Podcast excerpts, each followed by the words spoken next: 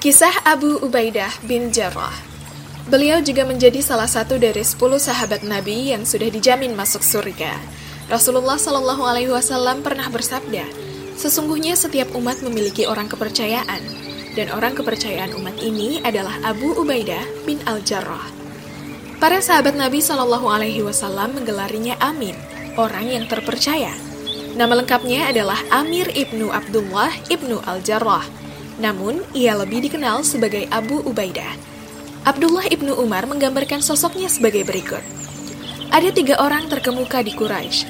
Mereka terkenal karena akhlaknya yang baik dan paling bersahaja. Apabila mereka berbicara kepadamu, mereka tidak akan menipumu. Dan apabila kamu berbicara kepada mereka, mereka tidak akan nuduhmu berkata dusta. Mereka adalah Abu Bakar As-Siddiq, Utsman bin Affan, dan Abu Ubaidah bin Jarrah. Abu Ubaidah termasuk golongan yang pertama kali memeluk Islam. Dia menjadi muslim sehari setelah Abu Bakar. Bahkan melalui Abu Bakarlah ia menjadi seorang muslim.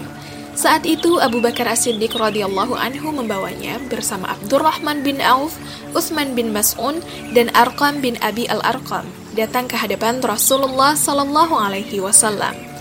Lalu bersama-sama mengucapkan syahadat. Merekalah pilar-pilar awal dalam bangunan kokoh Islam kala itu.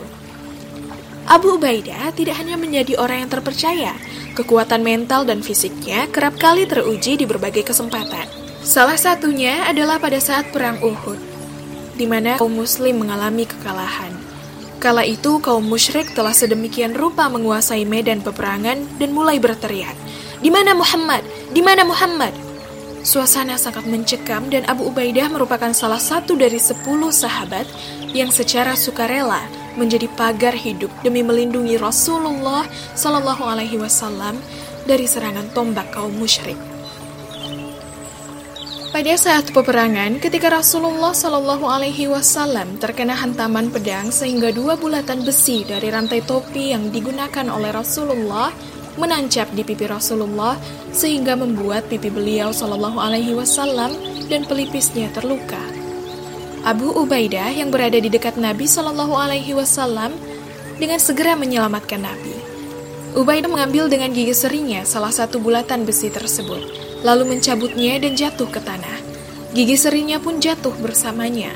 Kemudian ia mengambil sepotong besi lainnya dengan gigi seri yang lainnya sampai terjatuh pula. Sejak saat itu, Abu Ubaidah di tengah khalayak dijuluki dengan Asram, yang terpecah giginya atau jatuh dari akarnya. Dalam hadis riwayat Bukhari dikatakan, tidak seorang pun yang gigi depannya tanggal yang mengalahkan ketampanan Abu Ubaidah. Setelah Rasulullah Shallallahu Alaihi Wasallam wafat, para sahabat berkumpul untuk memilih pengganti beliau yang bertugas sebagai khalifah. Pertemuan tersebut terjadi di Saqifah, tempat pertemuan Bani Sa'idah dan hari itu tercatat sebagai salah satu momen bersejarah yang dikenal sebagai peristiwa Saqifah.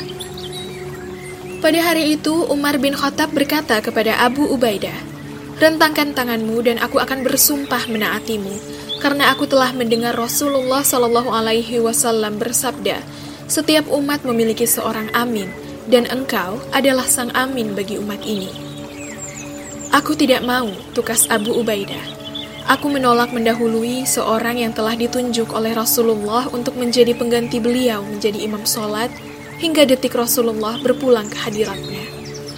Maka ia pun memberikan sumpah setianya kepada Abu Bakar As-Siddiq. Abu Ubaidah tetap menjadi salah satu penasihat terdekat bagi Abu Bakar dan pendukung kuatnya dalam kebenaran dan kebaikan. Hingga kepemimpinan berganti ke tangan Umar bin Khattab, Abu Ubaidah tetap meneruskan dukungannya kepada khalifah dan tak pernah menentang Umar kecuali pada suatu waktu. Peristiwa itu terjadi tatkala Abu Ubaidah memimpin pasukan muslim dan meraih kemenangan di Syria. Ia berdiri di sebuah daerah di mana sungai Efrat berada di sebelah kanannya dan dataran Asia kecil berada di sebelah kirinya. Saat itu tengah terjadi wabah besar di tanah Syria. Suatu musibah yang tidak pernah terjadi sebelumnya dan telah merenggut banyak korban jiwa. Menyadari gentingnya keadaan kala itu, Khalifah Umar mengutus seseorang kepada Abu Ubaidah dengan membawa surat yang bertuliskan pesan dari Khalifah. Wahai Abu Ubaidah, aku sangat membutuhkanmu. Apabila engkau menerima surat ini di malam hari, kusarankan engkau berangkat sebelum fajar. Apabila engkau menerimanya di siang hari, berangkatlah sebelum matahari terbenam, dan cepatlah kembali kepadaku. Ketika Abu Ubaidah selesai membaca pesan itu, ia berkata, Aku tahu Amirul Mukminin memerlukanku. Ia ingin menyelamatkan nyawa seseorang yang bagaimanapun tak akan abadi. Maka ia menulis surat jawaban kepada Umar. Wahai Umar, aku tahu bahwa engkau membutuhkanku. Namun aku berada di antara pasukan kaum muslim dan tidak ada keinginanku untuk menyelamatkan diri dan meninggalkan mereka di sini. Aku tidak ingin berpisah dengan mereka hingga Tuhan memutuskan yang lain. Maka saat engkau menerima surat ini, mohon bebaskan aku dari perintahmu dan izinkan aku untuk tinggal bersama pasukanku. Saat Umar membaca surat balasan Abu Ubaidah tersebut, air mata memenuhi sudut-sudut matanya, hingga orang-orang yang berada di dekatnya bertanya, Apakah Abu Ubaidah telah tiada, wahai Amirul Mukminin? Tidak, jawab Umar. Akan tetapi, kematian tengah datang mendekatinya. Tidak berapa lama penglihatan Umar menjadi kenyataan.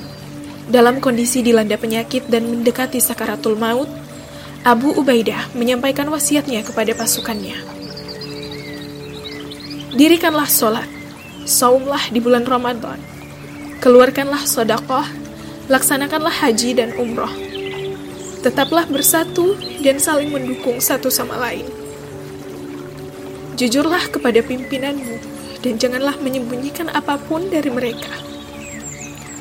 Jangan sampai dunia dan segala isinya menghancurkanmu dari jalan Allah, karena kalaupun seseorang hidup seribu tahun lamanya, ia akan tetap menjelang kematian, seperti yang tengah engkau saksikan terjadi kepadaku saat ini. Wassalamualaikum warahmatullahi wabarakatuh. Abu Ubaidah kemudian berpaling kepada Muaz bin Jabal dan berkata, Wah, wahai Muaz, pimpinlah kami dalam sholat. Dalam sholat itu, jiwanya pun makan.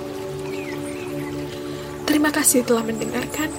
Wassalamualaikum warahmatullahi wabarakatuh.